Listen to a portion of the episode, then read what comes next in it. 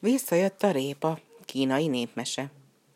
Igen nagy hó esett, a völgyeket, a hegyeket, mind magas hót akarta. A nyuszinak elfogyott az ennivalója, útnak indult hát, hogy szerezzen valamit. Egyszer csak boldogan kiáltott fel a nyuszi. Ho-ho-ho-ho! Két répát találtam! Megette az egyik répát, maradt még egy.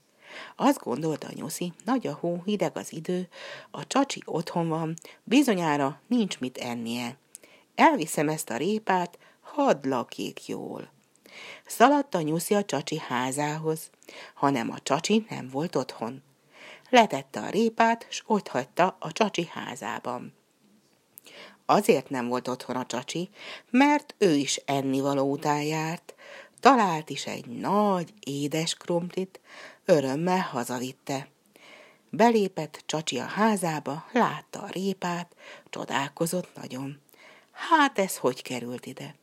A csacsi megette az édes krumplit, aztán azt gondolta, nagy a hó, hideg az idő, a bárányka otthon van, bizonyára nincs mit ennie. Elviszem neki ezt a répát, hadd lakjék jól. Szaladt a csacsi a bárányka házához, hanem a bárányka sem volt otthon. Letette a répát, s ott hagyta a bárányka házában. Azért nem volt otthon a bárányka, mert ő is ennivalótán járt. Talált is egy káposztát, örömmel vitte haza.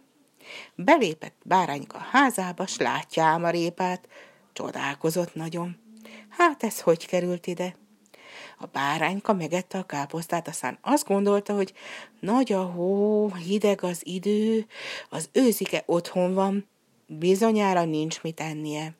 Elviszem neki ezt a répát, hadd lakjék jól. Szaladt a bárányka az őzike házához, hanem az őzike nem volt otthon. Letette a répát, s ott hagyta az őzike házában.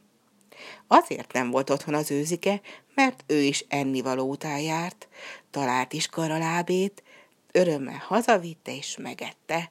De amint belépett a házában, látjám, hogy ott egy répa. Csodálkozott nagyon. Hát ez hogy került ide?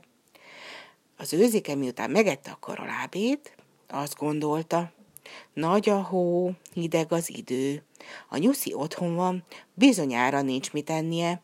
Elviszem neki ezt a répát, hadd lakjék jól. Szaladt az őzike a nyuszi házához, hanem a nyuszi már jól lakott és aludt édesen. Az őzike nem akarta felkelteni a nyuszit, hát letette a répát és otthagyta. Felébredt a nyuszi, s nagyra nyitotta a szemét csodálkozásában. Ennyi, visszajött a répa. Na hát, gondolkozott egy keveset a nyuszi, s hamar kitalálta, hogy csak a barátai hozhatták neki ajándékba.